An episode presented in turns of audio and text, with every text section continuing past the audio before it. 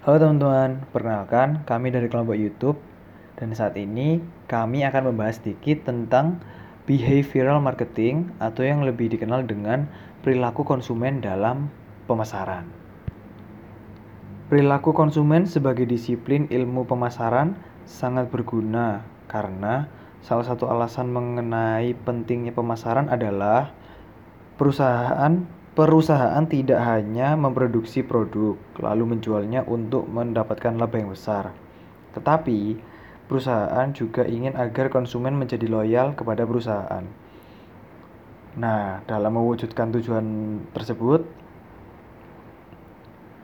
eh, perusahaan harus meningkatkan loyalitas atau meningkatkan eh, pengertian terhadap konsumen terhadap barang atau jasa yang diproduksi oleh perusahaan tersebut maka kita juga harus perlu memahami perilaku konsumen. Pemasaran adalah proses sosial yang dengan proses itu individu atau atau kelompok mendapatkan apa yang mereka butuhkan dan inginkan dengan menciptakan, menawarkan, dan secara bebas mempertukarkan produk dan jasa yang bernilai dengan pihak lain. Perilaku konsumen sangatlah berkaitan dengan pemasaran. Kaitan antara perilaku konsumen dengan pemasaran adalah perilaku konsumen sangat mempengaruhi kelancaran proses pemasaran. Pemasar harus bisa memahami perilaku atau sikap dari masing-masing individu yang menjadi sasarannya dalam memasarkan produk atau jasa. Nah, kalian pasti tahu kan kalau misalnya perilaku tiap konsumen itu pasti berbeda-beda. Perbedaan itu juga terdapat ketika mereka itu mengonsumsi barang dan jasa. Konsumen dengan pendapatan yang tinggi dan kelas sosial atas pasti mengonsumsi barang-barang yang berbeda dengan uh, mereka yang mempunyai pendapatan rendah dan kelas sosial bawah.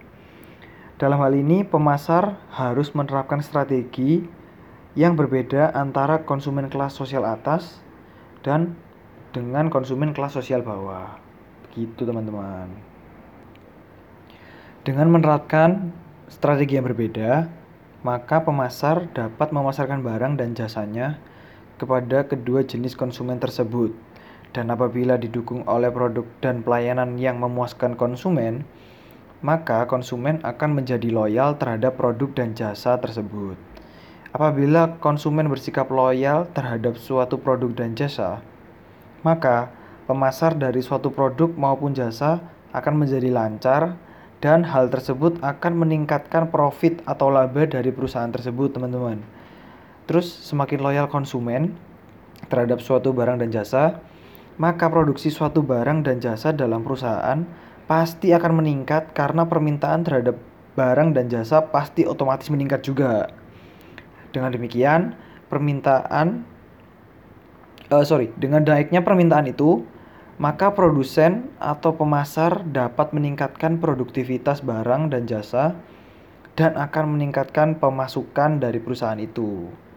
Jadi masuk akal kan teman-teman? Jadi semakin uh, orang itu suka dengan jasa atau produk kita, pasti orang itu akan terus beli beli dan menggunakan atau menggunakan jasa itu terus menerus otomatis itu akan menambah profit kita juga akan mendapat uh, pemasukan kita atau bisa dibilang uh, bahasa kasarnya itu kayak pendapatan tetap kayak gitu. Kayak pasif income. Kayak gitu teman-teman. Selain itu, pemasar juga harus berpegang pada konsep pemasaran yang menentukan keinginan target pasar dan memberikan kepuasan yang lebih baik daripada yang diberikan oleh pesaing.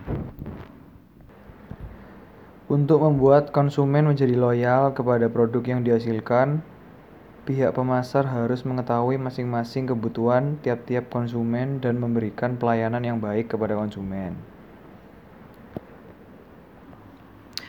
Yaitu tadi sedikit pengenalan tentang uh, perilaku konsumen di pemasaran. Sekarang kita mau membahas salah satu contoh perusahaan yang tadi kita sempat kunjungi yaitu Densu Aegis Network. Bener tuh? Densu Aegis Network tuh? Ya, jadi uh, Densu ini merupakan salah satu perusahaan advertising di dunia digital. Uh, maksudnya Densu ini bergerak dalam perusahaan adver perusahaan advertising dalam industri, industri digital kayak gitu. Perusahaan Densu ini awalnya berdiri di Jepang pada tahun 2013.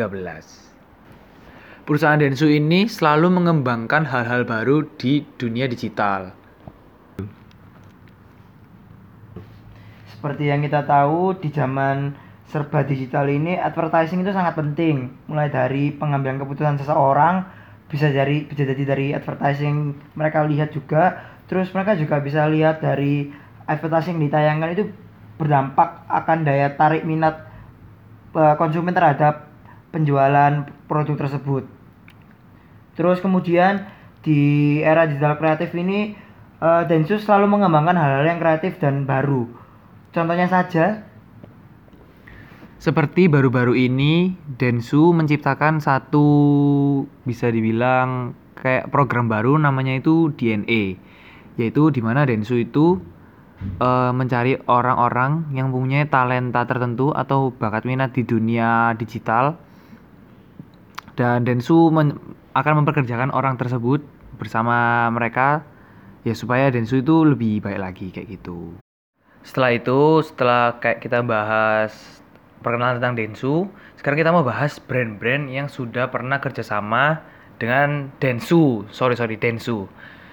Nah, jadi yang pertama ada Yamaha, lalu Yakult terus uh, ada Panasonic juga juga ada Toyota gitu dan masih banyak lagi sih sebenarnya terus uh, sekarang kita masuk ke materi yaitu behavioral marketing gitu jadi di Densu ini mereka itu kalau misal mau kerjasama dengan perusahaan mereka itu kayak ngadain meeting kayak gitu. Jadi uh, mereka itu kayak bahas uh, apa yang mau dipasarkan juga mana yang mana pasar yang tepat untuk memasarkan barang atau jasa ini kayak gitu.